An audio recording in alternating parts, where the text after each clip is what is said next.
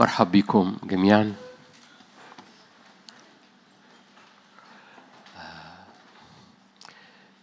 مشاركة قصيرة. عشان الوقت.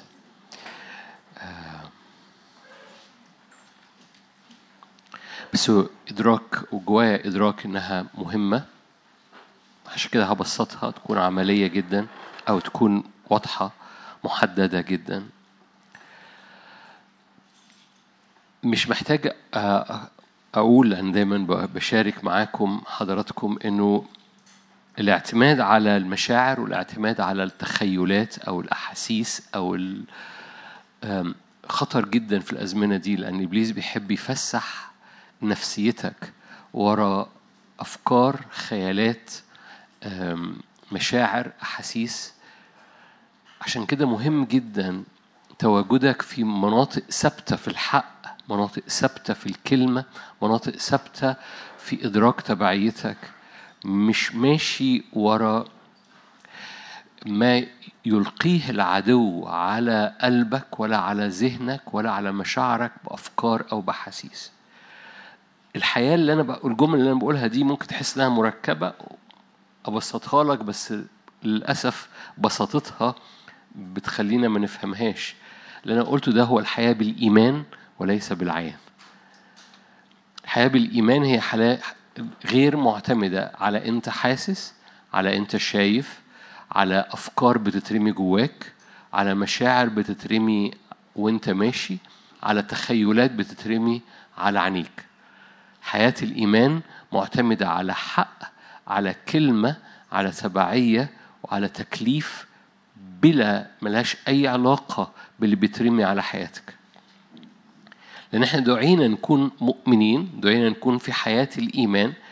هذا الإيمان بيطلق قوة الإيمان قوة الإيمان مش كلمة مش أجوايا إيمان الإيمان مش كلمة الإيمان قوة الإيمان دايما له نتيجة. لو أنت دايما جواك مشاعر وأحاسيس بس ما فيش نتيجة اعرف إن ده ما كانش إيمان وده مش لتحميلك أو تحميل ضميرك. أنا جوايا إيمان ولا لأ؟ وإن كان بطرس بولس الرسول عمل كده مع الكورنثوسيين في آخر رسالة لهم امتحنوا أنفسكم. هل أنتم في الإيمان؟ دول مؤمنين دول كنيسة. هل أنتم في الإيمان؟ دول مليانين بروح القدس. دول في الإيمان دول مؤكد في الإيمان. هل أنتم في الإيمان؟ القصة مش الإيمان الخلاصي هو الإيمان العملي الذي يأتي بقوة قوة خارجة. وبالتالي الإيمان قوة حقيقية وإن كان مش هو الموضوع بس هو الأساس اللي أنا عايز أتكلم عليه. لأن في الأزمنة اللي إحنا فيها والأزمنة اللي جاية وجودك وجودك بحالة داخلية من الإيمان بيطلق قوة خارجية من السلطان.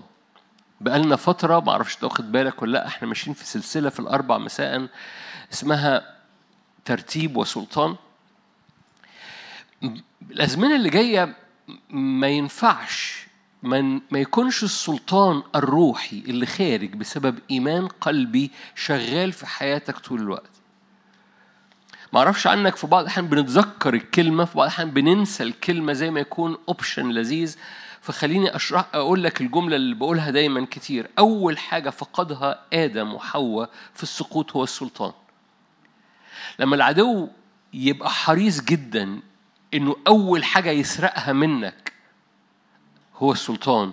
إذا هو عارف إن السلطان غالي جدا. لما يكون أول تنشي يعني بينشن على أول شيء يسلبه منك هو السلطان. إذا هو أخطر حاجة في حياتك يمكنك أن تستخدمها هو السلطان. البعض ممكن يقول يمكن أنا ما عنديش سلطان. حبيبي هو مش سلطان حضرتك ولا سلطاني ولا سلطان حضرتك هو سلطان الروح الساكن فيك. عشان كده الإيمان مهم جدا لأن الإيمان بينقلك من الحياة في الجسد أو النفس إلى الحياة في الروح لأن الجسد والنفس بيستقبلوا حاجات من العالم ومن المشاعر ومن الظروف من الأحاسيس فبيعيشك في حتة ما فيهاش روح ما فيهاش إيمان فما فيهاش حركة من الروح القدس. عشان كده دايما الحساسين واللي بيمروا بمشاعر مقلوب متقلبة دائما تجدوا بيضطرب وحركة عدو الخير بتشتغل. اللي كلنا بنقولها كتير بنقولها كذا مرة في كل اجتماع كل قوة أرضية نفسانية. بتفتح المجال. إيمانك بيفتح المجال لمستوى آخر لبرنامج آخر في حياتك مش مربوط مش مربوط بالجسد والمشاعر لكن مربوط بالروح. هذا الإيمان بيفتح حركة الروح والروح له سلطان. أنا إيه اللي دخلني في القصة دي؟ قصة السلطان في حياتك مش جاية لأنك أنت صوتك عالي مش جاية لأنك أنت شخصيتك قوية مش جاية لأنك أنت آه، ذهنك جبار. السلطان في حياتك جاية من ساكن فيك الروح والروح القدس له سلطان.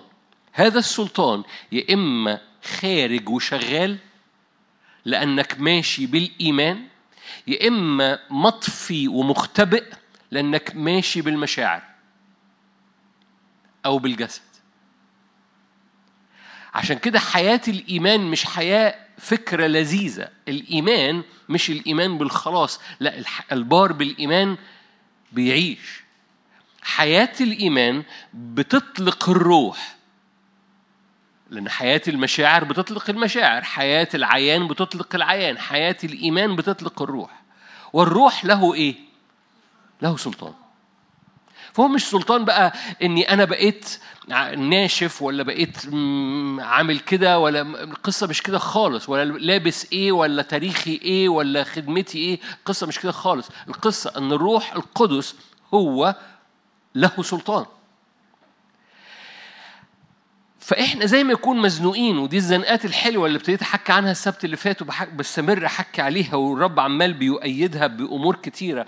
في زنقات حلوة في هذه الأزمنة أدركناها في المواجهات اللي فاتت إنه فكرة السلطان مش فكرة لذيذة لأنه اليوم اللي بت بتخلي السلطان بتاعك يطفي تقول أنا ممكن أطفي السلطان؟ أقول لك آه لما بتطفي مين؟ تطفي الروح لا تطفئوا الروح لا تحزنوا الروح. لو أحزنت الروح وطفيت الروح أنا بحزن السلطان وبطفي السلطان. لأن الإيمان بيطلق الروح والروح له سلطان. فالأيام اللي فيها بتطفي سلطانك الدنيا بتتكعبش. صدقني. لو الدنيا متكعبشة ال- ال- ال- ال- الحقيقة أو الجذر أو الروت اللي ورا هذه الكعبشة هو غياب إطلاق الروح الذي له سلطان لأن أول ما الروح القدس بيطلق سلطان كل حاجة في حياتك بتتحط في مكانها. الرب بي بي الرب بيطلع كنيسة متوهجة في الروح فمتوهجة في السلطان. مقاصد الرب في الأزمنة اللي جاية إن الكنيسة كلها خلي بالك إحنا منشنين من من فترة طويلة على الاختبارات الجماعية على الحالة الجماعية مش حالة أفراد. دي حالة روحية جماعية. ورب بيطلع كنيسة متوهجة. م- عارفين يعني إيه متوهجة؟ يعني ال ال ال النار مضرمة متوهجة في الروح وبالتالي هي متوهجة في السلطان. لأن ممكن متوهجة في الروح يعني تحس بقى يعني مواهب وكده مؤكد كده لكن هي متوهجة في السلطان. لأنها متوهجة في السلطان فكل حاجة في حياتها وحواليها بتخضع لهذا السلطان اللي مش جاي من حضرتك لكن جاي من الروح اللي ساكن فيك اللي انت بت- بتطلقه. أقرأ لك آية أمثال 25 أبتدي بيها كده آية يمكن ما هياش الآيات المشجعة إنك تبتدي بيها بس مهمة. أمثال 25 وآخر آية آية 28 مدينة منهدمة بلا سور. دي حالة. مدينة منهدمة بلا سور. الرجل الذي ليس له سلطان في روحه. يعني حالتي لو روحي ما أطلقتش السلطان فيها كأني مدينة منهدمة بلا سور أي حد معدي أي حاجة معدية أي فكرة معدية أي حرب معدية أي خوف معدي أي اضطراب معدي أي انزعاج معدي ليه؟ لأن مدينة منهدمة بلا سور الرجل اللي مش بيطلق سلطان روح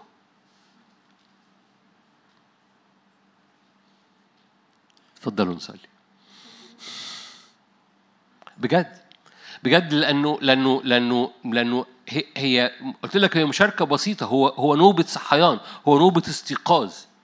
عشان كده الرب بي بيحطك في المكان وعايز يرتب تركيبتك الداخلية بصلابة إيمان. مش صدقوني صدقوني الناس بتزهق مني أو الناس بتتضايق مني. البعض بيتضايق والبعض بيزهق. مفيش حد بيشكرني أبدا في الحتة دي. إنه إني طول الوقت عمال بشوط في المشاعر. والأحاسيس والحساسين والنفسانيين. طول الوقت عمال بشوط فيها ومفيش حد بينبسط. وكلكم عارفين أول ما بلاقي ناس مش مبسوطة بعمل إيه. لأنه لأنها بتشوط فينا كلنا لأنها بتشوط في اللي بترمي على حضرتك وعلى حضرتك بتشوط على على اللي أنت بتحسه وبتحلم بيه وبتفكر فيه وبترمي عليك وحاجات كتيرة جدا. ليه؟ لأنه القصة حساسة جدا إن الإيمان هو المكان الوحيد اللي من خلاله الروح القدس بيتحرك والروح هو الذي ليس هو الذي له سلطان. فيحمي حياتك. الروح له فقط الروح القدس له سلطان.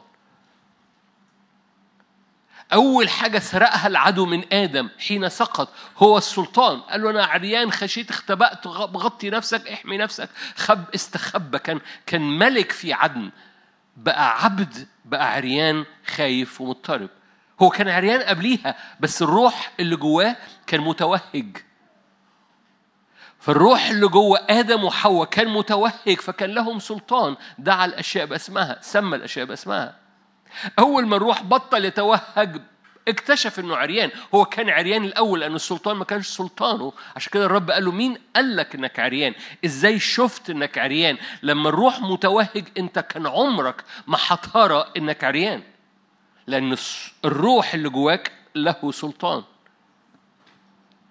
فكل حاجة في عدن كانت متظبطة مدينة لها سور. إيه اللي خلى المدينة منهدمة بلا سور؟ إن سلطان هذا الروح لم يخرج للخطيه كلكم عارفين الآية اللي وراها دايما بربطها بعد ما آدم سقط بالآية اللي موجودة في يوحنا واحد كل الذين قبلوه أعطاهم إيه؟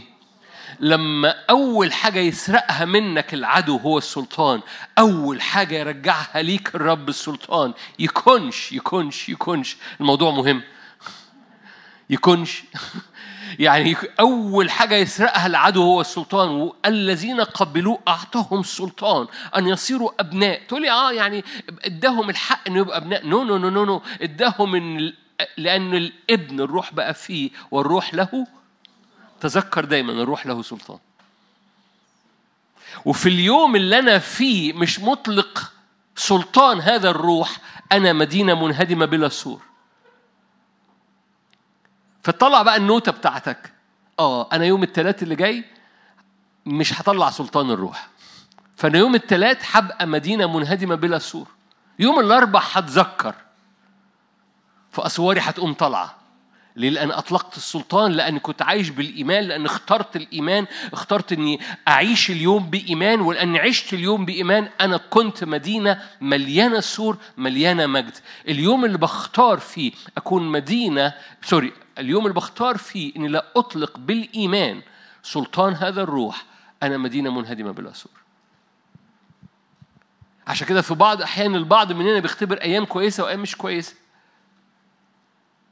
الأيام الكويسة هي أيام اللي روح إيمانك انفجر فسلطان فروحك اتحرك فسلطان هذا الروح. عمل أسوار حواليك. عمل سيادة. ولما عمل سيادة كل حاجة بقت سلسة أو بقت في مكانها صح. الدنيا بتعصلج وبتكعبش وبتهيش وبتنفش لما تفقد هذا المكان من الإيمان اللي بيطلق الروح اللي بيطلق السلطان. شاهد كلكم عارفينه في إنجيل لوقا لوقا سبعة؟ كلكم عارفينه. شاهد جميل بحب هذا الراجل جدا كان عبد لقائد مئة مريض مشرف على الموت عزيزا عنده. كم التركيبات المركبة في هذه القصة جميلة. قائد المئة كانش واقف من أجل نفسه ولا واقف حتى من أجل من عل حد من عيلته. ده كان واقف من أجل عبد عنده في البيت. لما سمع عن يسوع أرسل إليه شيوخ اليهود يسألوا أن يأتي ويشفي عبده. فلما جاءوا إلى يسوع طلبوا إليه باجتهاد قائلين إنه مستحق أن يفعل له هذا لأنه يحب أمتنا وهو بنى لنا المجمع إيه حد عمرك فكر في القصة دي؟ عمرك فكرت في الجملة اللي فاتت دي؟ هقراها مرة تاني لأن طلبوا إليه باجتهاد قائلين إنه مستحق أن يفعل له هذا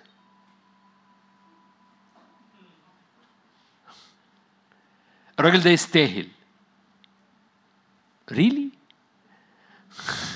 يعني الراجل ده يستاهل عبده يخف؟ الكتاب المقدس بيقول كده. ليه؟ لأنه يحب أمتنا وهو بنى لنا المجمع. دي محاباة؟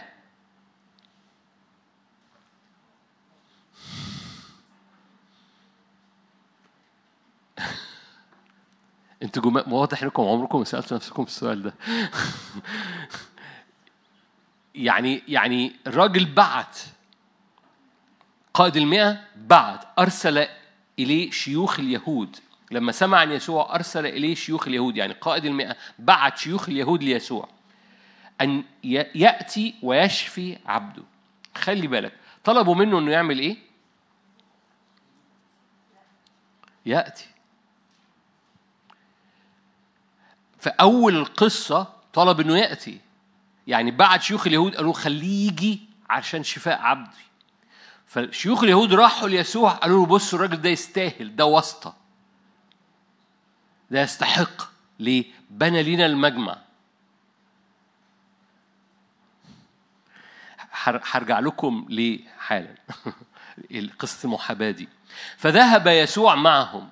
ليه؟ لأن قائد المئة باعت تعالى Are you here? أوكي إذا كان غير بعيد عن البيت؟ غير بعيد عن البيت يعني إيه؟ برافو عليكم. يعني مش المشوار وبقى قريب. ما ما في بعض الأحيان ما بناخدش بالنا من ال من ال الفيديو. إذا كان غير بعيد عن البيت؟ يبقى قريب. أرسل إليه قائد الماء أصدقاء يقول له يا سيد لا تتعب. طب يعني ما انت ما انت مشوارته مشوارته اوريدي مش انت له تعالى؟ والرب قرب قرب قرب ده قرب من البيت. يا سيد لا تتعب. لأني لست مستحقا أن تدخل تحت سقفي. صباح الخير. فاكرين شيوخ اليهود قالوا إيه؟ الراجل ده مستحق. شايفين كم التشينج اللي بيحصل؟ في الأول تعالى. بعت له أخبار والشيوخ بيقولوا يستحق. الرب اتحرك وقرب ضرب المشوار. ما تتعبش نفسك أنا مش مستحق. كملوا معايا أنتوا جمال. لأني لم أحسب نفسي أهلا أن آتي إليك لكن قل كلمة فيبرأ غلامي. طبعا تأتي الآية المحفوظة المشهورة وهي دي الآية المحورية بس هرجع للي أنا لعبته معاك حالا. آية 8 لأني أنا أيضا إنسان مرتب تحت سلطان. لي جند تحت يدي؟ أقول لهذا اذهب فيذهب والآخر ائتي فيأتي ولعبدي افعل هذا فيفعل. لما سمع يسوع هذا تعجب منه والتفت إلى الجمع الذي يتبعه وقال أقول لكم لم أجد ولا في إسرائيل إيه؟ إيمان بمقدار هذا. ورجع المرسلون إلى البيت فوجدوا العبد المريض قد صح طب هو هو يسوع قال كلمة؟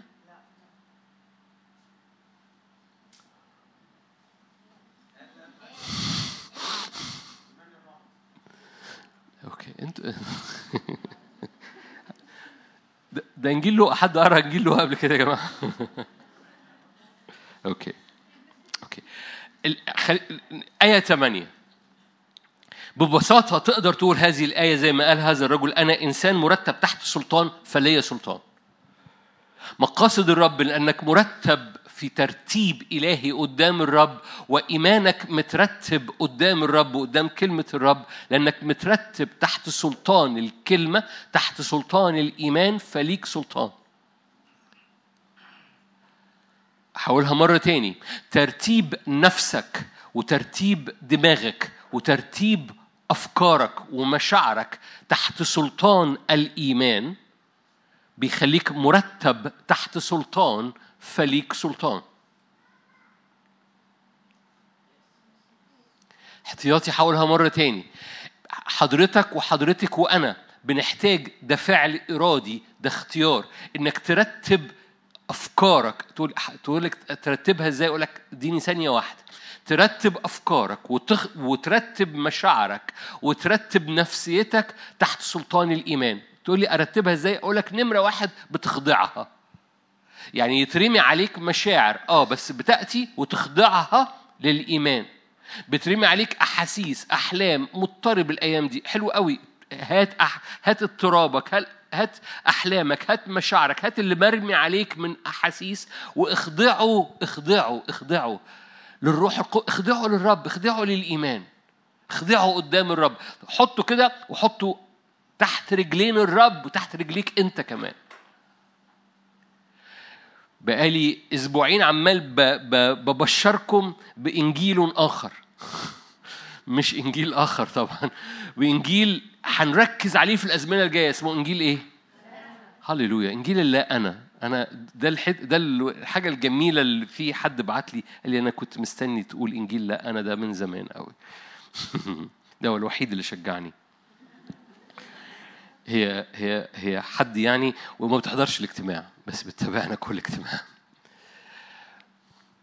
بتأتي بمشاعرك وبتأتي بأحاسيسك وبتأتي بيومك وبتحطه تحت رجلين الرب وتحت رجليك أنت. هو ده إخضاع إخضاع الطبيعي إخضاع اللي بيترمي عندك عند رجلين الرب لأن هنا هنا الإيمان. لما تخضع الخوف لما تخضع الاضطراب لما تخضع الصورة الداخلية النفسية بتاع ترتب هو ده بيقوم مترتب كل حاجة هايشة تحت رجلين الرب لأنها بقت تحت رجليك فمرتب تحت سلطان.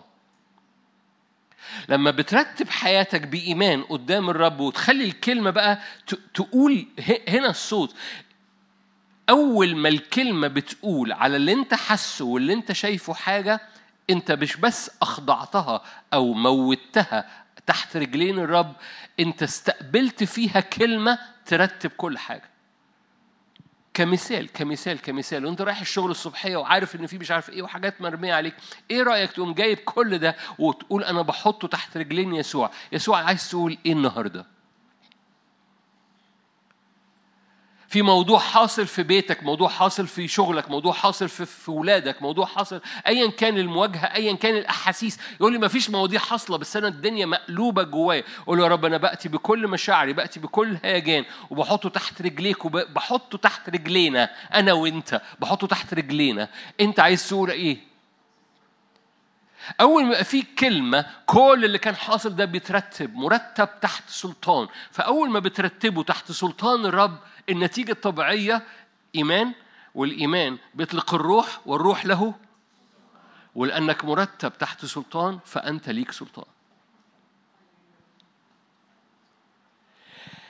أذكرك الرجل الذي ليس له سلطان مدينة إيه؟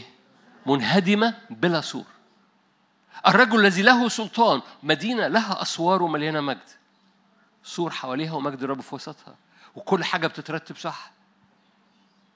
مرتب تحت سلطان فليه سلطان. أخونا حول الكيل اللي أنا لعبته معاك في هذه القصة وإن كان ده يعني ده انطباعات شخصية يعني. يسوع حكة ديناميكية جوه الراجل. لما يسوع قال له سوري لما قائد المياه قال لي يسوع هو فهم إيه؟ أنا تحت سلطان فليا سلطان. أقول هذا يروح وهذا يرجع فأقول كلمة. يسوع قال الراجل ده فهم اللي ما فهموش بني إسرائيل كلهم. هو فهم يسوع شغال إزاي؟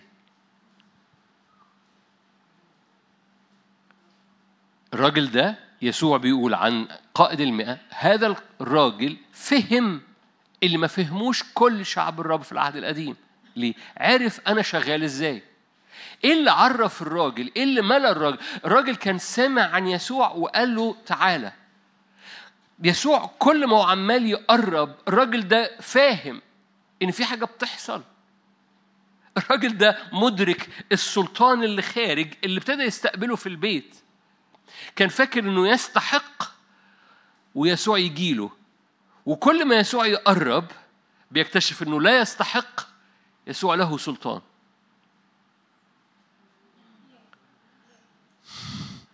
كل ما يسوع بيقرب من بيته الراجل ده بيكتشف إنه لا يستحق واللي عمال بيقرب ده ليه سلطان مش لازم يوصل هنا. لدرجة إنه خاف من هذا السلطان إنه يخش بيته.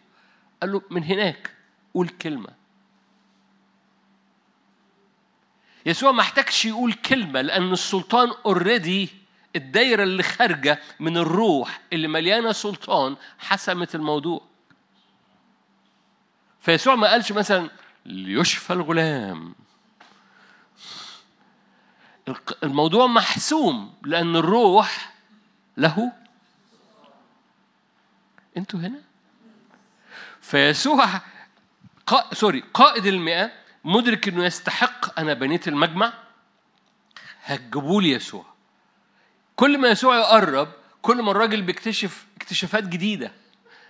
إنه لا يستحق إن يسوع له سلطان وفهم نورت فبعت بعت المرسال. بص أنا فهمت. أنا لا أستحق. أنا فهمت أنت بتشتغل إزاي. انت تحت سلطان مرتب تحت أنا مرتب تحت سلطان فليه سلطان أنا عرفت بتشتغل إزاي فمش لازم تيجي خلاص. لأن الروح له سلطان. مش عايز أطول. مزمور 110 مزمور 110 كمل عشان أبطل تعليم و, و كم المعجزة اللي الرب سيتوقعها من كنيسة متوهجة لها سلطان متوهج كم المعجزة اللي هتحصل هتحصل حوالينا بسلاسة. مقاصد الرب بصوا لأنه كم المواجهة بيعلى مع الأيام كم التوهج في السلطان لازم يبقى أعلى من المواجهة العالية. كم المواجهة بيعلى فيجب أن يكون كم السلطان أعلى ورب عمال بيدرب إيماننا فبيدرب أرواحنا إنها. تطلق هذا السلطان في كل موقف بنمر بيه لدرجة إنه كأنه كأنه يومي كأنه يعني اليوم اللي هتختار إنك تحط اللي أنت حاسه تحت رجليك وتحت رجلين يسوع. والرب يقول كلمة فتعيش بإيمان والإيمان بيطلق الروح والروح له سلطان. اليوم اللي بتعمل كده فيه كل حاجة في حياتك تبقى مليانة مجد ومتصورة محمية. والعكس بيحصل مدينة منهدمة بلا سور. مزمور 110 أنتوا كويسين؟ قال الرب الرب اجلس عن يميني حتى أضع أعدائك موطئ القدميك. يرسل رب قضيب عزك من صهيون. ده صهيو ده ده سلطان. تسلط في وسط أعدائك. شعبك منتدب في يوم قوتك في زينة مقدسة من رحم الفجر لك طل حداثتك. أقسم الرب ولن يندم. أنت كاهن إلى الأبد على رتبة ملكي صادق. الرب عن يمينك يحطم في يوم رجزه ملوك. يدين بين الأمم. ملأ جثثا أرضا واسعة سحق رؤوسها. من النهر يشرب في الطريق لذلك يرفع الرأس. مؤكد في آيات هنا بتتحدث عن الرب يسوع لأن الرب يسوع نفسه قال هذه الآيات عنه. لكن مؤكد في آيات بتحكي عن كل حد في الرب يسوع لأن مثلا لا ينطبق إن على الرب يسوع إنه من النهر يشرب في الطريق لذلك يرفع الرأس. لا ينطبق على الرب يسوع. الرب عن يمينك يحطم في يوم رجز ملوك لأن هو الرب. القصة كلها إيه؟ و... وأنت مترتب في المسيح يسوع أمام الآب. بتتحط في رتبة في ترتيب اسمه رتبة يسوع ملكي صادق. وفي هذه الرتبة يرسل لك الرب قضيب عزك سلطانه. تسلط في وسط أعدائك. أنا عارف بقول ملكي صادق والناس تقوم شايلة الفيشة. وأنا هستمر أقول ملكي صادق لغاية لما نعمل مؤتمر كامل عن ملكي صادق ون... ونف... ون... الموضوع. بس يأتي وقته. لما بتقف مترتب مترتب بمعنى خاضع كل حاجة مرتبها على الأرض قدام الرب. أنت بتقف في الإبن. لما بتقف في الابن قدام الآب الرتبة دي ما ترتيب مربوط بالرتبة هذه الرتبة هي رتبة الابن الابن ملكي صادق ملك البر ملك السلام. ملك البر ملك السلام نتيجة طبيعية سلطان لأن الابن له سلطان الروح له سلطان وأنت وقوفك قدام الآب في الابن في الروح القدس سلطانك بيتحرك. تلقائي طبيعي. مش فكرة جميلة إنك تقضي أوقات قدام الرب. بلاش أوقات تقضي تقضي أوقات قدام الرب علشان تعيش بسلطان في اليوم. مش فكرة جميلة مش فكرة مش اوبشن لو تحب تضيفه على العربية. السلطان هو الموتور أو الروح هو الموتور والروح له سلطان. فمرة تاني شعبك منتدب. بص بص دي مش مرة تاني دي مرة أولانية. أنا عايز أبص على آية في نمرة ثلاثة دي. شايفين بيقول إيه؟ شعبك منتدب في إيه؟ في يوم اسمه يوم قوة الرب. من يختبر يوم القوة؟ اللي مترتبين في رتبة ملكي صادق.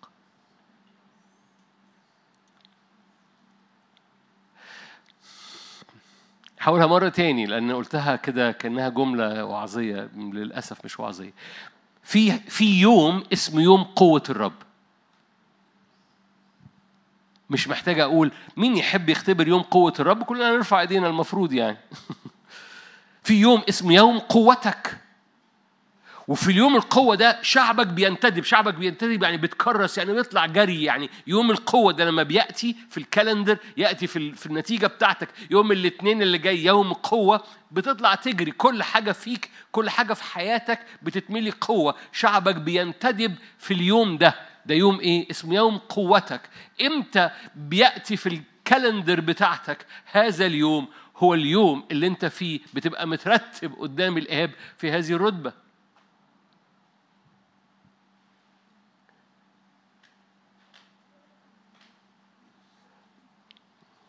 أنا عايز أقول لكم جمال بس ماشي. اجلس عن يميني حتى أضع اعدائك موت القدميك. آه ده الابن. حلو قوي آه بس حضرتك لما بتقف في الابن بتقف في المكان ده أجلسنا معه عن يمين الاب يرسل الرب لما بتبقى مترتب في المكان ده يرسل الرب إيه؟ آية اتنين. قضيب عزك ده السلطان. تسلط في وسط أعدائك. حلو قوي. أول ما بتترتب في الابن أمام الآب يرسل الرب هذا السلطان اللي مليان عز فتسلط في وسط أعدائك. إيه النتيجة؟ بتختبر بسبب هذا السلطان يوم اسمه يوم القوة. يوم قوة الرب مش يوم قوتك أنت. يرسل الرب قضيب عزك من صهيون. شعبك منتدب يا رب في يوم قوتك. في زينة مقدسة. كل حاجة بعد كده يقول لك بقى زينة مقدسة من أو من رحم الفجر يعني طاعة مبكرة من من البداية قوي. طل حداثتك مليانة صحة مليانة شباب. أقسم الرب ولن يندم. أنت كاهن إلى الأبد على رتبة ملكي صادق مش عايز أطول بس بس محتاج تدرك يعني ممكن نرجع لهذا المزمور في مرة تانية. هنتكلم عن ملكي صادق لأنه مليان قصص. لكن ببساطة المعنى اللي أنا حريص عليه عشان الوقت وانت مترتب قدام الرب السلطان اللي خارج ده بيخليك تختبر حاجة اسمها يوم قوة الرب. يبقى في الكالندر بتاعتك ده اليوم اسمه يوم قوة الرب. يوم قوة الرب ده كل حاجة في كيانك بتنتدب بتتكرس بتطلع تجري وراء الرب. فأفكارك صحتك بيتك ولادك تاريخك خدمتك شغلك فلوسك كل حاجة بتتحرك بسلاسة. شعبك منتدب في يوم يجنن كده اسم يوم قوتك. ده اسم لوحده كده يوم ممكن نعمل مؤتمر اسمه يوم قوتك. حد مدرك ال ال ال ال ال ال ال المجد اللي في التعبير؟ شعبك منتدى في يوم قوة. عارفين؟ أوكي تعالوا نروح على آية. أنتوا كويسين؟ اتغديتوا إيه النهارده؟ لقى خمسة؟ مين ما اتغداش؟ هللويا. أنا وأنت. لقى خمسة. لقى خمسة. عشان كده كنت عارف ترنم بصوت عالي. لقى خمسة. آية 17 في أحد الأيام كان يعلم. لقى 5 17 في أحد الأيام كان يعلم. وكان فريسيون ومعلمون للناموس جالسين. حلو قوي هو كان بيعمل إيه؟ هو كان بيعلم مين كان قاعدين قدامه؟ فريسيين وإيه؟ يعني القعدة كلها إيه؟ تعليم قد أتوا من كل قرية من الجليل واليهودية وأورشليم بس أتاري اليوم كان إيه؟ كانت قوة الرب الحاجة تاني مش للتعليم كانت قوة كان يوم قوة كانت قوة الرب لشفائهم أنتوا هنا ما في يوم قوتك ده ده ده ده ده في كتاب مقدس. أنا ممكن أرجع معاك لأوقات أو في كالندرز معينة في أزمنة معينة وتحط عليها هذا العنوان يوم قوة يوم قوتك. في أوقات كتير ولا كانوا بيقعوا على على على هد بسوبه لأن أي واحد بيقع يلمسه كان بيخف. ده مش قصة بس المرأة نازفة الدم لما لمس هو لا دول كانوا بيترموا ليه؟ لأن كان يوم قوته.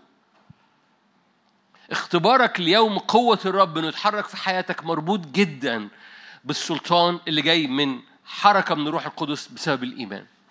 ومقاصد الرب يطلع كنيسة متوهجة لكي تختبر هذا السلطان فيوم قوة الرب يبقى في ال calendar بتاعك 30 يوم في الشهر لأن اليوم اللي أنت فيه مش متحرك في يوم القوة ما كانش يوم سلطان واليوم اللي ما كانش يوم سلطان أنت في مدينة منهدمة بلا سور. تقول لي إيه اللي ربط يوم القوة بالسلطان؟ مزمور 110 لسه قاريه حضرتك؟ لأن قضيب عزك شعبك منتدب في يوم إيه؟ قوتك. فاليوم القوة ده مربوط جدا بالسلطان. تسلط في وسط أعدائك. شعبك منتدب في يوم قوتك.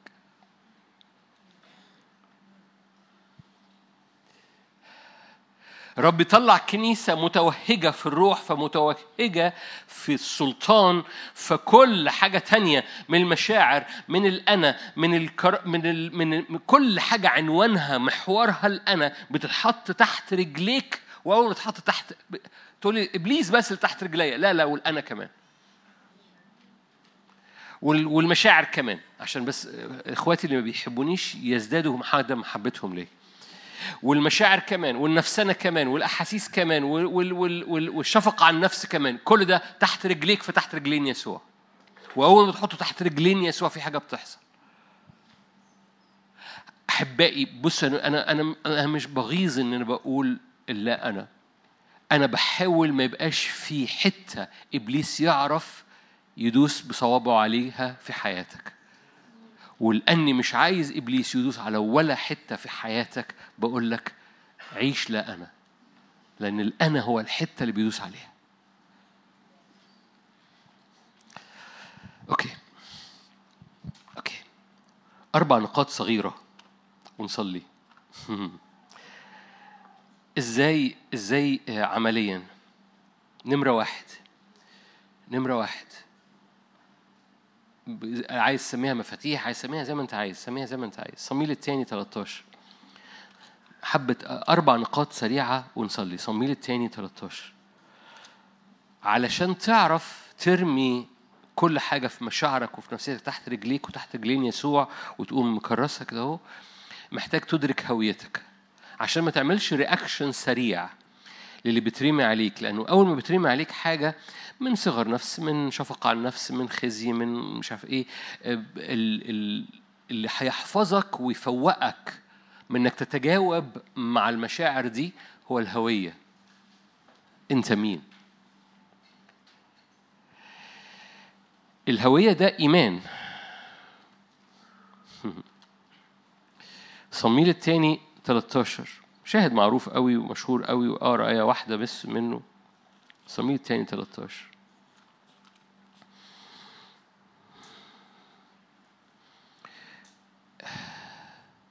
آية أربعة مش هن مش مش لازم خلفية القصة.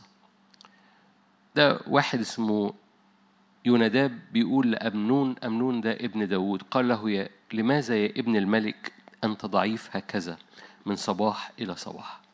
مشاهد مشهور أنا بقتطع من القصة يعني. المعنى ينطبق خروجا من القصة.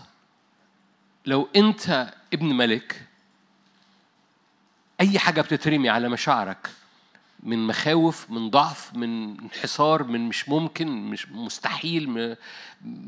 لا تنطبق على هويتك. فأول رد فعل يقدر يسندك شوية عشان تحط اللي بترمي تحت رجليك هو الهوية هو أنت مين؟ أنت مدعو تعمل إيه؟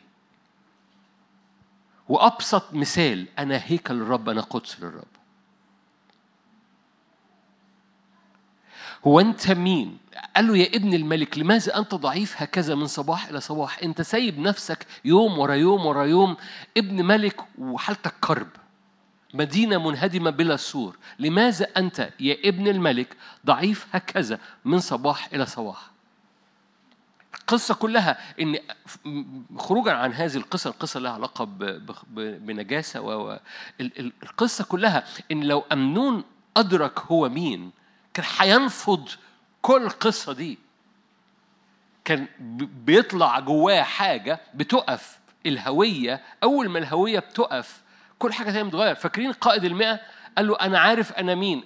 أنا مرتب تحت سلطان فليا سلطان. خلي بالك أنا عارف أنا مين دي مش أنا جدع. قائد المئة ما قالش أنا عندي سلطان. قائد المئة قال أنا مترتب تحت سلطان فليا سلطان. أنا عارف أنا مين. أنا عارف حدودي بس عارف سلطاني. أنا عارف سلطاني جاي من فين؟ بس أنا عارف أنا مكلف بإيه. أنا عارف اللي ساكن فيا وعارف إن مدعو لحاجة أقيم من إن أشفق على نفسي. أنا مدعو إن اللي ساكن فيا أعظم من الذي في العالم. فأنا بقف في الهوية والهوية هو خط الدفاع الأول ليك لما العالم يحاول يرمي عليك حياة تفقدك سلطانك.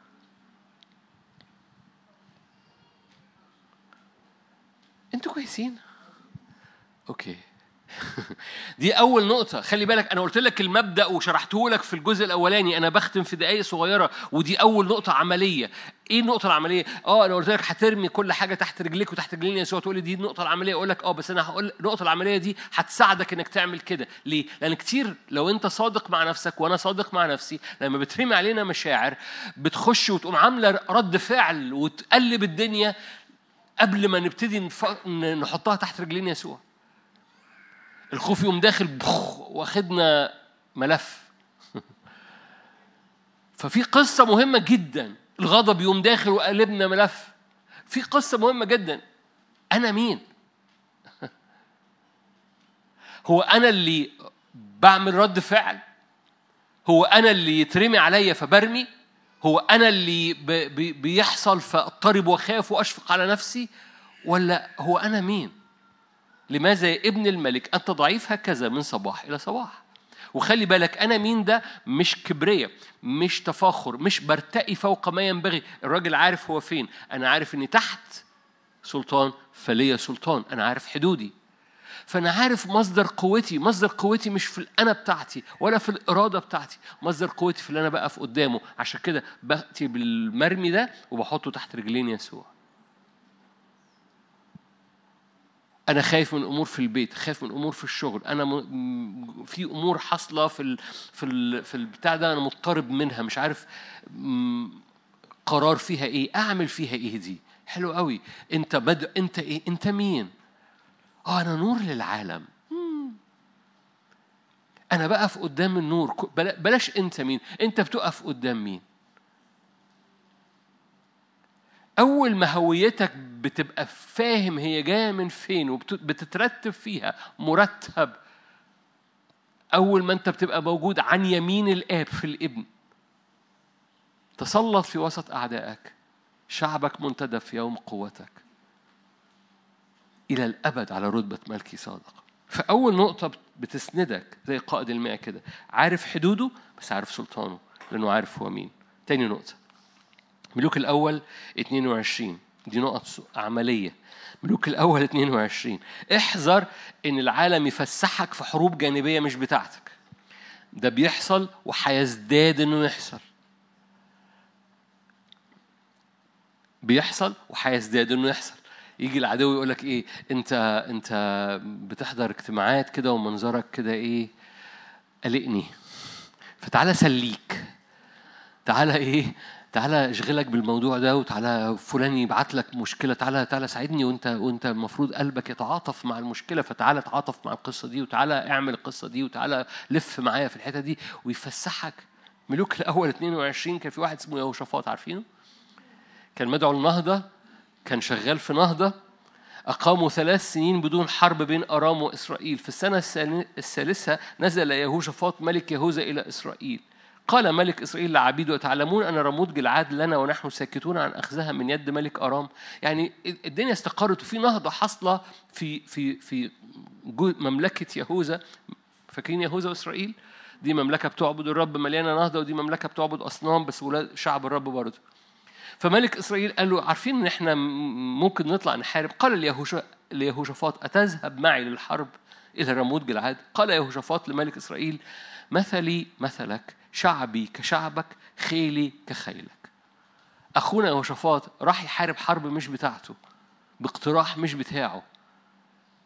ويهوشافاط يقوم مسحوب في قصة مسحوب في حرب ورب أنقذه. بس اتسحب في حرب اتسحب في استنزاف. انتهى أنه عمل سفن مع ملك إسرائيل. هذه السفن كلها اتحطمت. ليه؟ لأنه العدو أم مسليه في مشاكل جانبية بدل ما يركز في التكليف اللي على حياته. بتفقد سلطانك لما تطلع تجري ورا العدو في حروب جانبية مش بتاعتك. وانت ملتحم في أمر وراء الرب ما تسيبش التحامك عشان في موضوع مهم تاني. استمر ملتحم وثق إن الروح له سلطان وهيرتب الأمور المهمة التانية. وكل ما الروح ينفجر بإيمان كل ما السلطان بيزداد دايرة تأثيره فاللي أنت كنت شايفه مهم قوي قرارك بيتغير بعد شوية. فاكرين؟ قائد المئة. أنا استحق تعالى لي.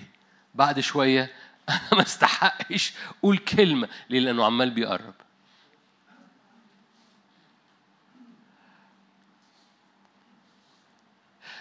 أنتوا بتبصوا لي كأني بقول كلام غريب جدا.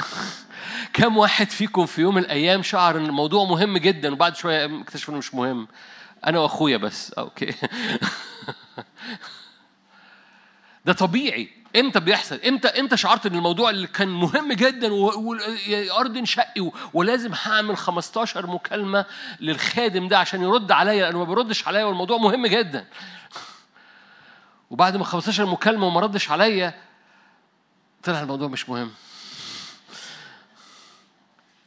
لأنه في حاجة في حاجة بتحصل أول ما تفقد سنداتك الطبيعية النفسانية الأرضية الشيطانية. وتقوم مرمي في الآخر وتتعلم الدرس. طب أنا مع... يبقى ما عنديش غيرك. وأول ما عنديش غيرك الإيمان بينفجر. ولما الإيمان بينفجر الروح بينفجر. ولما الروح بينفجر السلطان بينفجر. والسلطان يقوم مرتب الأمور. فالأمور اللي كانت منظرها هايشه دي طلعت هايشه على الفاضي. ليه؟ لأنه أنت يجب أن تلتحم فقط بحاجة الرب دعاك تلتحم فيها. ما تخشش في أمور جانبية. النقط الجانبية بتفقدك سلطانك بتستنزفك. نقطة نمرة ثلاثة أنتوا كويسين. خروج 24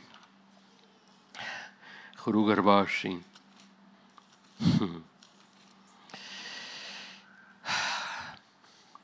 خروج 24 موسى واقف فوق الجبل قدام الرب. ما أعرفش خدتوا بالكم من القصة دي ولا لأ. معظمكم خدوا خد باله بس.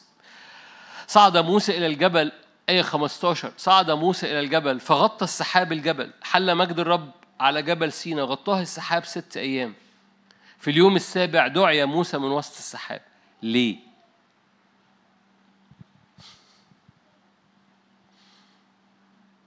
هقرا الآية مرة تاني. آية 15 صعد موسى الجبل فموسى فين؟ غطى السحاب الجبل فموسى فوق الجبل وفي سحاب فوق الجبل. حل مجد الرب على جبل سينا مجد الرب ده النار بس حواليها سحاب وغطاها السحاب ست أيام. موسى فين؟ فوق الجبل. بس مش جوه السحاب. في اليوم السابع دعي موسى من وسط السحاب. تعالى لي. آية 18 ودخل موسى في وسط السحاب.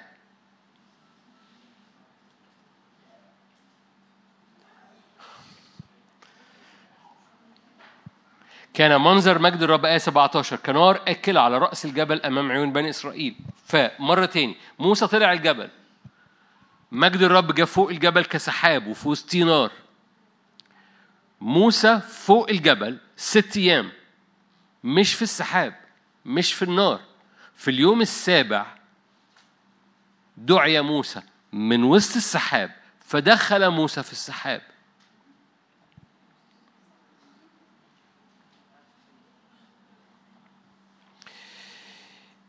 خروج 24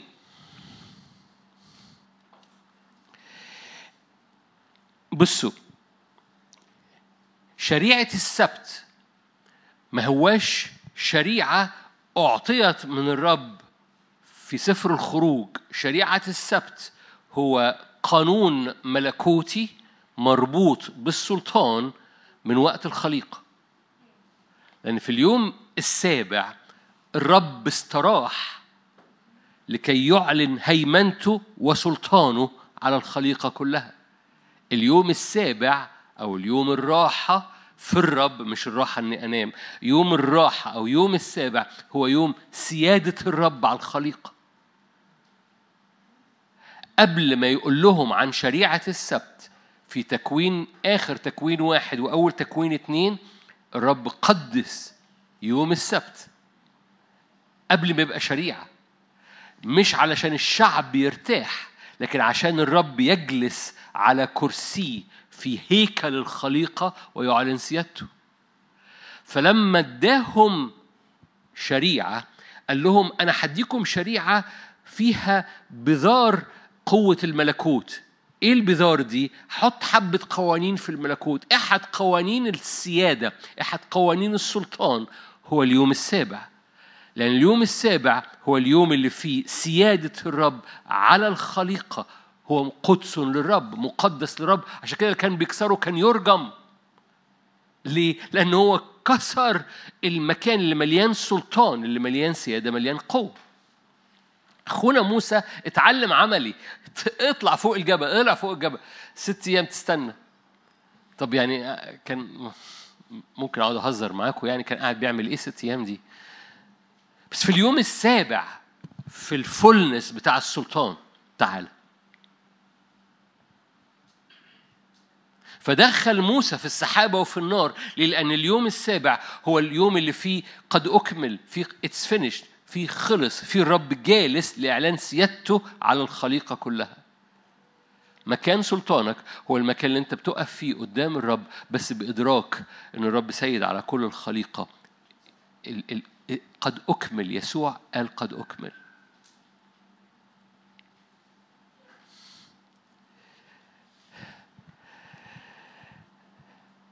أحد رجال الله قال كده. عارفين قد أكمل دي موجودة في العهد الجديد العهد القديم؟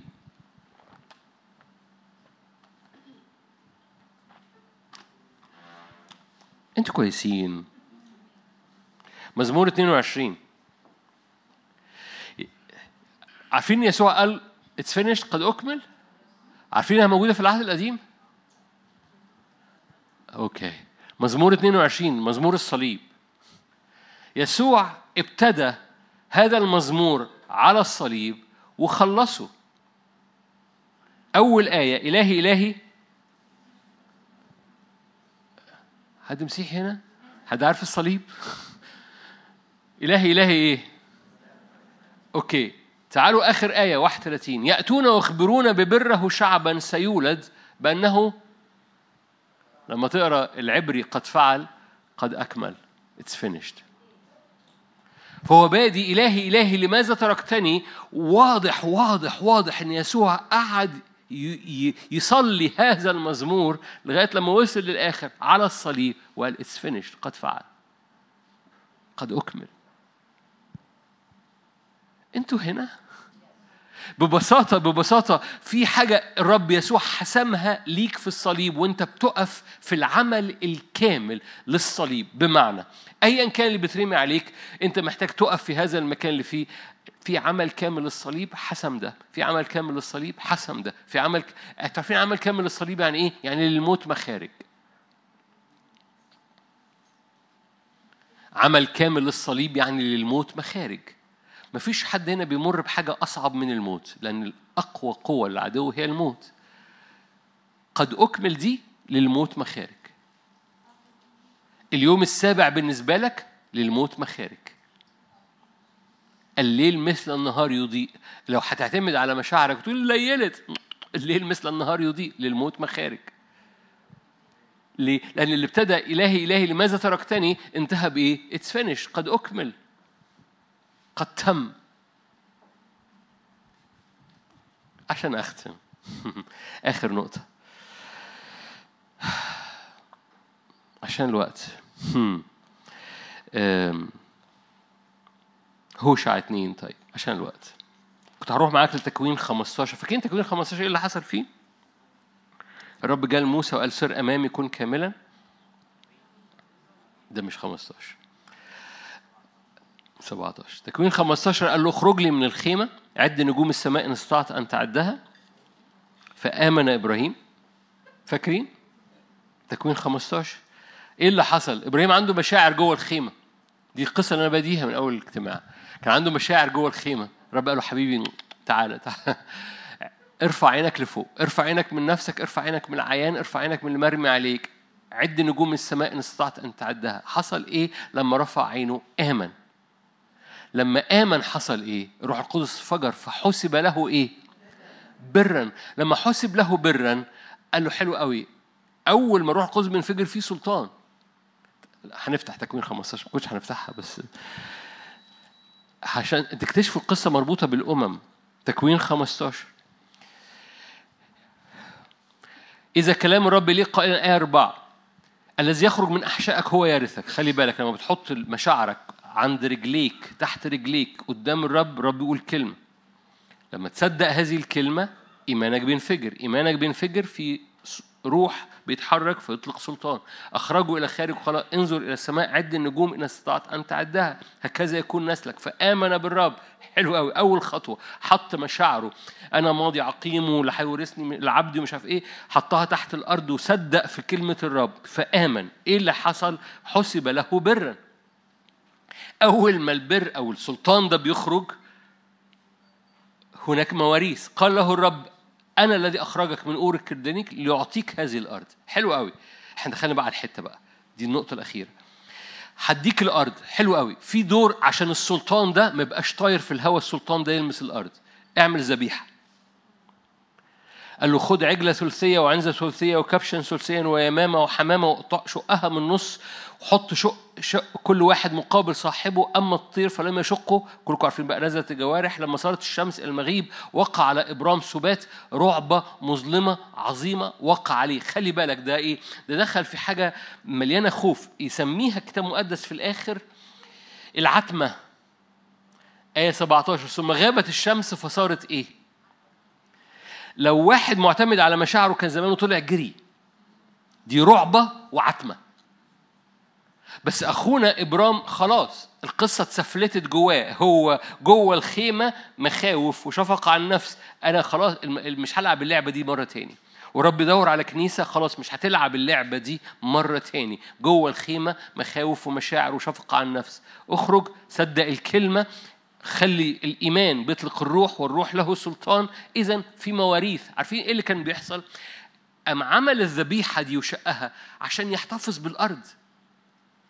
لأن القصة دي مربوطة بالأمم. أنا فوتت عشان الوقت بس ده الكلدانيين والقصة كلها كانت مربوطة بالكلدانيين والأموريين في الجيل الرابع. ذنب الأموريين ليس إلى الآن كاملا. أنا حديك هذه الأرض في ذلك اليوم. آية 18 قطع الرب مع إبرام ميثاقا لنسلك أعطي هذا الأرض. من نهر مصر إلى نهر الكبير نهر فرات فينيين فنزيين قدوميين حثيين. فاكرين؟ غلسين فرزيين رفائيين أموريين كنعانيين جرجشين يابوسين. دول هيغطوا أي حاجة بقى عندك بقى. ايين عندك هتلاقيهم موجودين في في دول بس إيه القصة كلها إيه اللي حصل؟ خلي بالك من الترتيب. ابتدى الإصحاح كان مشفق على نفسه. أنا عقيم. ماضي عقيم واللي هيورثني عبدي. شوف التسلسل. ارفع عينك. أنا عندي كلمة. صدق في الكلمة الروح القدس بينفجر الروح القدس بيطلع سلطان هذا السلطان مليان بر النتيجة لحبة الكلمات الروحية دي مواريث كل دول ليه؟ لأنه عمل ذبيحة شقها قدام الرب عشان يربط اللي حاصل ما بين السماء والأرض حصل امتحان وهو بيعمل الذبيحة وهو بيعمل الذبيحة جت عتمة فاكرين العتمة؟ يقول لك رعبة مظلمة وعتمة. أخونا برام ما طلعش يجري. أخونا برام شايف تنور نار في وسط العتمة. شايفين الآية؟ حطها قدامك. آية 17 غابت الشمس صارت العتمة. إذا تنور دخان عارفين إيه تنور؟ يعني فرن في شعلة نار. تنور نار. تنور دخان مصباح نار يجوز بين تلك القطع. إيه اللي بيحصل؟ السماء بتلمس الأرض. السماء بترتبط بالأرض. في واحد بيقدم ذبيحة أنا مشاعري ذبيحة. الأنا بتاعتي ذبيحة. أنا عايز ال ال ال السلطان ده يلمس الأرض بمواريث. مواريث بقى أبناء مواريث خدمة مواريث خلاص نفوس مواريث أمم ايا كان المواريث. بس على حساب الأنا. الآية في هوشع. عارفين الآية بتاعت هوشع؟ أخطبك لنفسي إلى الأبد. ده إيه؟ أنا ده ده ده ده ده ال alignment أنا بظبط نفسي معاك. ده بيعمل بعمل تحالف مع العريس. أول ما بعمل تحالف مع العريس في ذلك اليوم يقول الرب أنا بختصر عليك الآية. هوشع اتنين. يقول لك أخطبك لنفسي للأبد أخطبك بالعدل والإحسان والمراحم أول ما بيحصل ألاينمنت مع الرب في ذلك اليوم إني أستجيب يقول الرب. فأستجيب السماء والسماء تستجيب الأرض والأرض تستجيب بقمح ومستار وزيت وهي تستجيب يزرعيل فأقول له رحامة أنا أرحم. وأقول له عمي أنت شعبي. إيه اللي بيحصل؟ أول ما بيحصل بتقدم ذبيحة على حساب الأنا أنا برتبط بيك بالكامل. إيه اللي بيحصل؟ السماء بتلمس الأرض. توافق ما بين السماء والأرض في كل حاجة بتعملها. السلطان الروحي بيلمس أرضك تماما. إني أستجيب يقول الرب. لما إيه؟ لما لما حصل التحالف ده لما حصل لما حصلت الخطوبة دي. أول ما حصلت الخطوبة دي السماء لمست الأرض. أول ما قاد أول ما إبرام عمل الذبيحة على حساب مشاعره وعلى حساب اللي حاصل جوه الخيمة تنور النار اللي ماشي فوق بقى ماشي في الأرض. بيجوز بين تلك القطع بيقول الأرض بقت بتاعتك. إيه اللي خلى الأرض بقت بتاعتي؟ أنا جيت لك في وسط العتمة اللي أنت ما طلعتش تجري منها. لو أنت بتمر بحاجات كده هو زي ما يكون الدنيا بقت عتمة اوعى ترجع. حطها تحت رجليك قدمها للرب. أنا متحالف معاك وثبت رجليك في وسط العتمة. موسى ثبت رجليه فوق الجبل وهو مش داخل في السحابة لغاية اليوم السابع. ليه؟ لازم تحصل وأنا مليان إيمان إن رب أكمل العمل. ما ينفعش أخش وأنا مش مدرك إنه قد أكمل. ما ينفعش أخش ما ينفعش أخش لكل السلطان إلا وأنا مدرك إنه اليوم السابع. في حتة بتفضل واقف فيها قدام الرب لغاية لما السلطان بتاعك يجيب جون يخترق. المشوار ما بين الحتة دي واختراق سلطانك هو إدراك إنه أنا وصلت لليوم السابع. يسوع بيقول أنا أكملت كل حاجة للموت مخارج. أي حاجة بتمر بيها سلطانك سلطان الروح فيك أقوى منها لأن هو قد أكمل.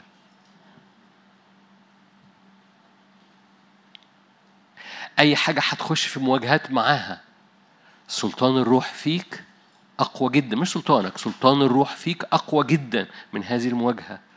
أول ما تدرك تترتب وتدرك إنه قد أكمل. عشان كده ما دخلش إلى اليوم السابع. في اليوم السابع دخل. عشان كده قائد المئة ما أدركش إلا ما يسوع قرب. ولما قرب أنا ما استحقش. أنا فهمت أنت بتشتغل إزاي. قول كلمة لأن الكلمة ليها سلطان. أحبائي في حاجة عشان أقول لكم بس اللي جوايا. في حاجة مختلفة في ولاد الرب في الشك في الزمن اللي جاي. فاكرين كل شيء مستطاع للمؤمن؟ المؤمن ده هو الروح متوهج فيه فمطلع سلطان. في حاجات كتيرة مش هينفع نعديها ونخترقها. ونجيب جون فيها إلا لو الروح كان في ال maximum فالسلطان كان في ال maximum. فالطبيعي بتاعنا ما بقاش هو الطبيعي كل شيء مستطاع للمؤمن. ما ظنش إني إيليا كان هيعرف يخدم خدمته والأزمنة الأخيرة هي مربوطة بخدمة إيليا إلا لو كان بيختبر أمور فوق طبيعية حتى في جسده. لو إيليا معتمد على مشاعر وعلى جسده ما كانش سبق مركبة أخاب ما كانش صدق السحابة القدر كف ما كانش عمل حاجات كتير قوي. لو بطرس كان مصدق فقط بمشاعره وبظروفه وبذكريات خزيه وبذكريات إنه أنكر و ما ظنش إن كان هود بثوبه كان يشفي. لو كان بولس عمال يعمل مقارنة ما بينه وما بين باقي التلاميذ ال 12 دول كانوا بياكلوا معاه كانوا بيشربوا معاه وأنا كنت بقتل في المسيحيين وقتها. لو كان بولس عمل المقارنة دي وما كانش اتملى بإيمان فاتملى بسلطان وكل شيء مستطاع للمؤمن ما كانش ما ظنش كانت عصايبه هتشفي ولا تخرج أرواح شريرة. أحبائي لو كان التلاميذ أو الرسل الرسل مش مصدقين إنه يسوع كان دخل والأبواب مقفولة عمره ما عمرهم ما كانوا هيخرجوا من السجن والسجن مقفول. تعرفين تعرفين لما دخلوا السجن خرجوا خلال الليل راحوا يدوروا عليهم لقوهم بيوعظوا. لو ما كانوش مصدقين إن يسوع دخل مليانين إيمان الإيمان بيطلق الروح والروح له سلطان. لو ما كانوش مصدقين إن يسوع دخل لهم والباب مقفول ما كانوش هم خرجوا من الباب المقفول. كل شيء مستطاع للمؤمن. آمين. خلونا نصلي مع بعض.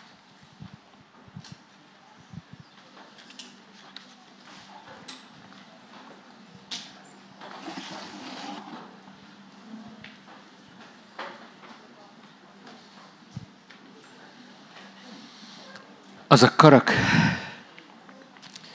السلطان مش مشاعر السلطان مش صوت عالي السلطان مش أنت السلطان هو الروح الروح الساكن فيك له سلطان. ولأن إحنا مرتبين تحت سلطان الآب في الابن الروح القدس فينا له سلطان. قاعد واقف مدي إيدك معايا.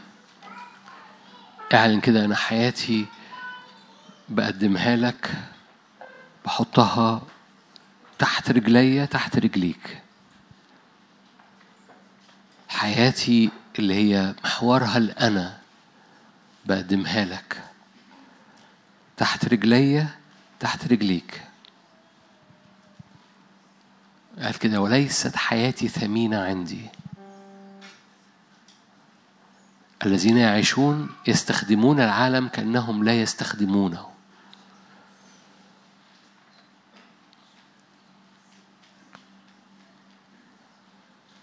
الذين لم يحبوا حياتهم. فمجرد مد إيدك قول يا رب أنا بديك حياتي. بحطها تحت رجليا تحت رجليك. بديك المشاعر والشفقة والمقارنة والخوف والقرارات. حتى القرارات بديها لك. ما بقتش قراراتي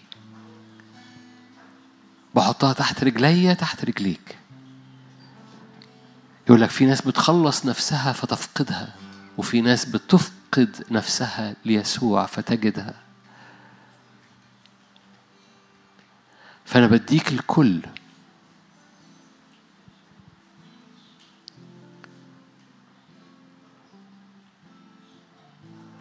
برتب حياتي تحت سلطانك. مرتب تحت سلطان. فلي سلطان.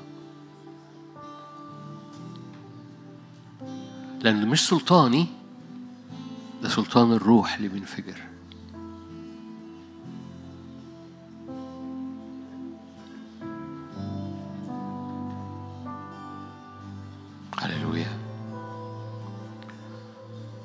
أحبائي أول ما عينينا بتخرج من الخيمة أول ما عينينا بتخرج من الانحصار وتترفع للنجوم تترفع لوجه الآب جالسين في الإبن أمام الآب الروح القدس بيفرد جناحاته طوالي. أول ما بترفع عينك من نفسك تنظر للآب وأنت مستخبي في الابن. الروح القدس بيفرد جناحاته. عشان كده منتظر رب يرفعون الأجنحة. ليه؟ لأنه أول ما بتقف قدام الآب في الابن الروح القدس بيفرد جناحاته. أول ما الروح القدس بيفرد جناحاته في سلطان.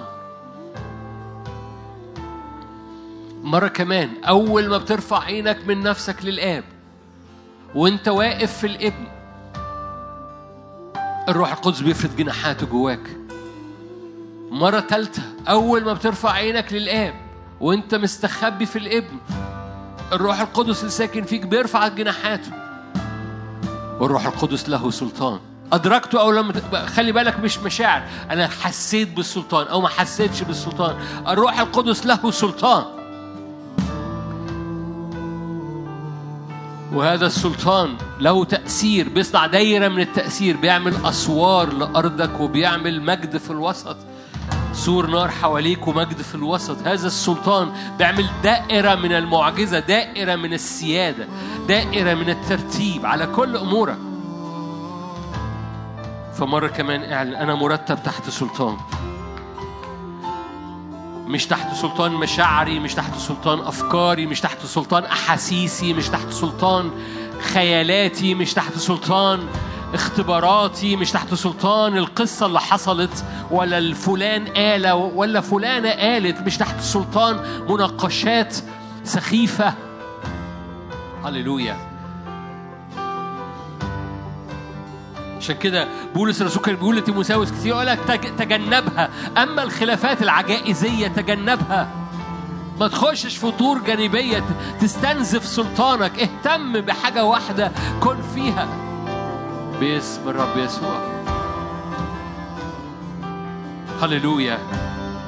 هللويا هللويا هللويا هللويا. البعض هنا بيسترد السلطان بعض هنا بيسترد ال ال ال ال الكلاريتي الوضوح اللي بيرجع سلطان روحك إنه يتحرك. هللويا. أما المناقشات العجائزية السخيفة فتجنبها.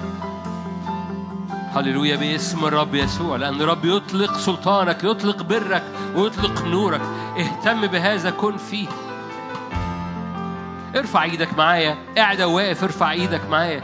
كل الذين قبلوه أعطاهم الروح والذين أعطاهم الروح أعطاهم سلطان. لا استنزافات جانبية وانت رافع إيدك اعلن كده لا استنزافات جانبية لا حروب جانبية. باسم الرب. أي حاجات دخلت فيها أنا بعلن سلطانك وسيادتك يا رب. لا استنزافات جانبية. المباحثات الغبية والسخيفة اجتنبها عالما أنها تولد خصومات. هللويا هللويا. البعض محتاج يسمع الآية دي مرة تاني. هقراها مرة تاني. المباحثات الغبية. تقول لا دي مش غبية دي مهمة قوي أقول لك لا لا هي غبية. المباحثات الغبية. تقول ده موضوع مهم لازم أشوف حقنا فين. لا دي مباحثات سخيفة. المباحثات الغبية والسخيفة اجتنبها لأنها تولد خصومات باسم الرب يسوع. لا استنزافات فارفع إيدك واعلن. لا استنزافات لا استنزافات. لا استنزافات لنفسك ولا لروحك ولا لإيمانك ولا لفرحك ولا لسلطانك. لماذا يا ابن الملك أنت ضعيف هكذا؟ انفض التراب. انفض الشفقة على النفس. انفض الخوف. هللويا. ابن ملك. ابن ملك. لك سلطان. ابن ملك. مرتب تحت ملك الملوك. لك سلطان. باسم الرب يسوع. تشريعات الرب في فمك. سيف ذو حدين في يدك. تجري الحكم المكتوب. قدس للرب. تشريعات الرب في فمك. سيف ذو حدين في يدك. تجري به الحكم المكتوب. كرامة هذا لأتقياء الرب. باسم الرب يسوع. سيادة سيادة سيادة. تسلط في وسط أعدائك. على رتبة ملكي صادق. هللويا في اسم الرب يسوع. أؤمن بيوم قوة. أؤمن باختبارات يوم قوة في حياة كثيرين هنا. هللويا. قول يا رب املى الخريطة بتاعتي املى النتيجة بتاعتي. بيوم أيام قوة أيام قوة. إنها أيام قوة للرب. إنها أيام قوة للرب. باسم الرب يسوع. في ناس في البيت عندها صداع نصفي. وقفي بإيمان وارفعي إيدك وأعلني هذا الصداع النصفي لا يستمر في جسدي يوم واحد كمان. أستيقظ بكرة بدون هذا الصداع النصفي. البعض هنا محتاج البعض هنا والبعض في البيت محتاج يتكلم لخلاياه. قيامة. يتكلم الموت قد تم خرابه العدو قد تم خرابه للموت مخارج قد أكمل. البعض محتاج يتحدث لخلاياه للغدد بتاعته. قد أكمل ويتحدث للغدة. للموت مخارج للموت مخارج استرد السلطان. استرد السلطان. سلطانك على الغدة سلطانك على على الأورام سلطانك على على على الصداع النصفي سلطانك على على شعيرات العينين وشعيرات المخ إنها تتفتح وتكون صحيحة. سمي الأشياء بأسمائها. البعض محتاج يقول تكون صحيحا. تكون صحيحا. باسم الرب يسوع. تكون صحيحا. هللويا. بعض بيقول أنا اصل أنا بقيت بنسى. no no, تكون صحيحا. هللويا. تسترد صحتك سريعا.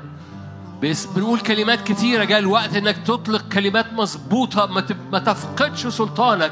أنت لست مدينة منهدمة بلا سور. بس أنت لست مدينة منهدمة بلا سور. باسم الرب يسوع. ده وقت الصلاة ده وقت شغل روحي لأن آدم في وسط عدن له سلطان. آدم فقد السلطان آدم الأخير.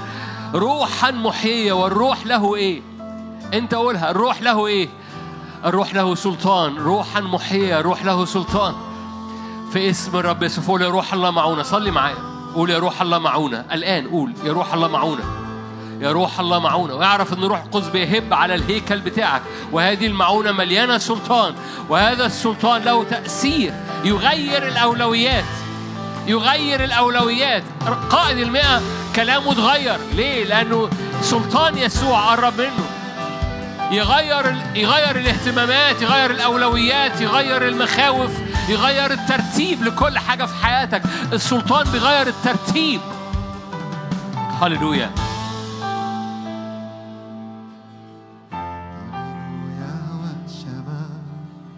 نعلن الرب هنا.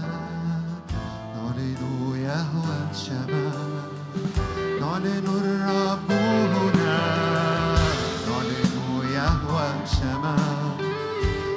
نعلن الرب هنا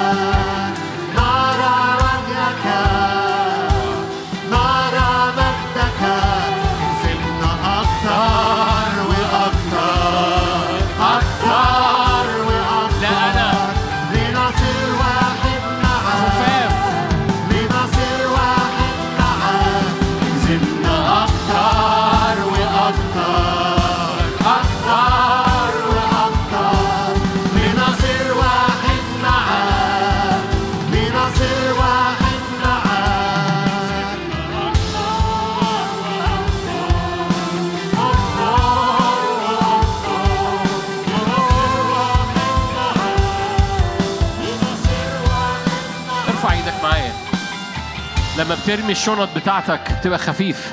لما بترمي الشنط التقيلة اللي انت شايلها بتعرف تعدي من الباب الضيق. لما. لما ترمي الشنط اللي محملة بحجارة تقيلة مليانة أنا مليانة أحمال مليانة ذكريات مليانة شفقة مليانة خوف ارمي شنطك عشان تعدي من الباب الضيق. تبقى خفيف تعرف تقفز تعرف الرب يصنع معاك ما هو مستحيل. لأنك خفيف. مفيش أرض العدو الخير. مفيش أرض يقدر يحط صباعه عليها. فترفع أجنحتك باسم. تجري اجذبنا وراءك. اجذبنا. تعالوا اجذبنا أكتر وأكتر. فنعرف نجري. نعرف نجري. خفاف. خفيف. مش تقال. اكذبنا اكذبنا أكتر وأكتر.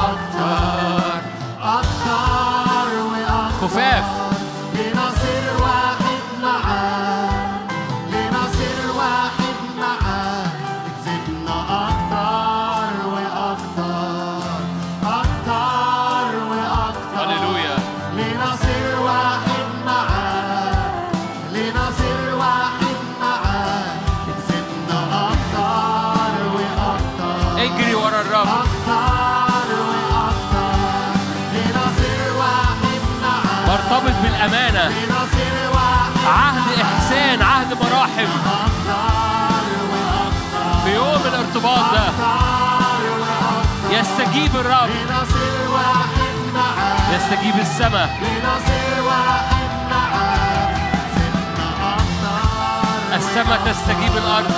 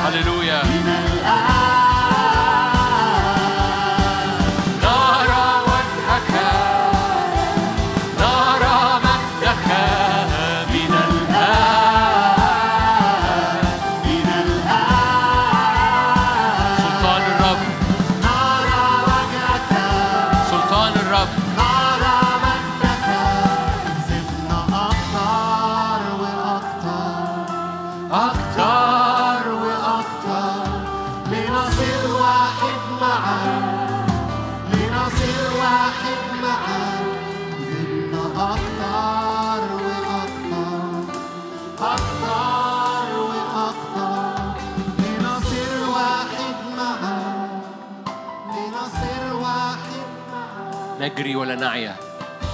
نمشي ولا نتعب. ارفع إيدك تنبأ معايا. اللحظات الجاية هنعلن هتعلن معايا. تجري ولا تتعب. تمشي ولا تعيا. ترفع أجنحتك كالنسور. تجزم أمرا. بسلطان الروح الساكن فيك فيثبت لك. تتحدث للخليقة. تتحدث على أبوابك. ترد حربك عند الباب. تتحدث في أبوابك طوبى للذين يردون الحرب عند الباب حقا وبأسا. يعني حق خارج من فمك وقوة خارجة لأنك بترد الحرب عند أبوابك. هللويا. قوى السماوات تفتح. في ذلك اليوم إني أستجيب يقول الرب أستجيب السماوات. والسماوات تستجيب الأرض والأرض تستجيب قمح ومستار وزيت. أرحم. وأقول للحاسين بالترك أنت شعبي. هللويا. أجواء ملكوتك أجواء سلطانك. أنا بأعلن يا رب أبويا السماوي في الابن يسوع وبسلطان الروح القدس. أجواء الآيات والعجائب أيام القوة أيام القوة أيام قوتك. أيام قوتك تملى كل شاب وشابة تملى كل أسرة تملى كل أب وأم. أيام قوتك تملى شعبك منتدب. يعني كل الأمور تتحرك بتكريس للرب. كل شغلك يبقى مكرس للرب أبوابك مكرسة للرب أولادك مكرسين للرب.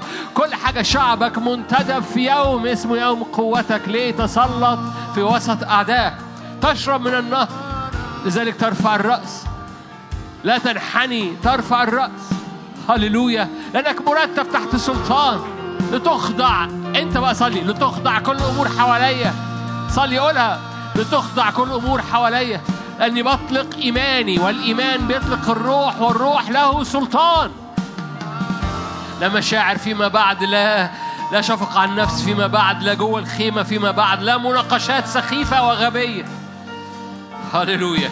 باسم الرب يسوع. باسم الرب يسوع. على مكفوئين محبة. أرحم له رحامة أقول له عمي أنت شعبي. الأرض تستجيب بالقمح والمستار والزيت. هللويا. الأرض تستجيب بالقمح والمستار والزيت.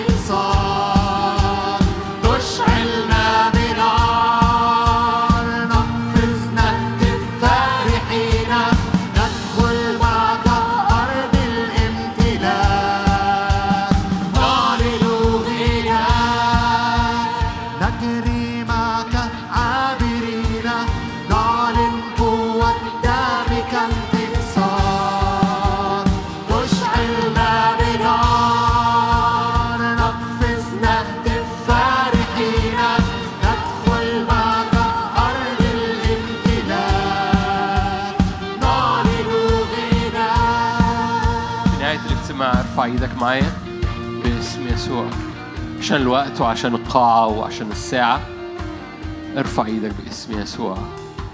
هللويا. هللويا. لا عودة للوراء. لا عودة للحياة اللي هي يا صابت يا خابت. لا عودة للحياة اللي هو اليوم متلهوج مش عارف إيه اللي هيحصل فيه. الرجل الذي له سلطان في روحه. مدينته لها أسوار. مدينته مليانة مجد. كل حاجة فيها مترتبة. لأن مدينة منهدمة بلا سور الرجل الذي ليس له سلطان الروح. لا عودة للوراء اعلن معايا أنا بقف بإيمان أنا بقف في الروح أنا بقف بسلطان الروح. أسواري أسوار نار. مجد الرب يملاني لأن مجد الرب الناري بيقول قد أكمل it's finished. قد أكمل قد أكمل it's finished. it's finished it's finished. إذا لن أنحصر في نفسي فيما بعد. صلي معي. لن أنحصر في نفسي فيما بعد. سأطلق سأطلق أنهار الروح اللي بتحمل سلطان لكل أمر. كل أمر تداخل عليه. اعلن كده. تجري من بطني أنهار الروح. والروح له إيه؟ الروح له إيه؟ في كل موقف همر بيه أنا هأطلق الأنهار من بطني. تجري من بطني أنهار ماء حية. قال هذا عن الروح. والروح له إيه؟ له سلطان في كل أمر في كل أمر سأطلق الأنهار من بطني والروح له سلطان. على كل أبوابي على كل ظروفي على كل بيتي على كل الخدمة على كل الشغل على كل الأفكار على كل المشاعر على كل التاريخ على كل المخاوف الروح له سلطان. أبويا السماوي بشكرك من أجل زمن. كنيستك بتتوهج بنار الروح القدس فبتتوهج بسلطان. شعبك منتدب. شعبك منتدب في يوم قوتك. على رتبة ملكي صادق. يشرب من النهر في الطريق لذلك يرفع الرأس. نعمة نعمة نعمة نعمة اختم يا رب على اختم على هذا اليوم وعلى هذا الاجتماع وعلى هذا الحق بدمك. اطلب كده إن هذا الحق لا يفقد لا رجوع للوراء. يتختم بالدم جواك. يتختم بالدم في روحك. يتختم بالدم على بيتك اعلن ختم الدم على بيتك وعلى أولادك اعلن ختم الدم على أفكارك وعلى صحتك وعلى عينيك وعلى مستقبلك وعلى ودانك.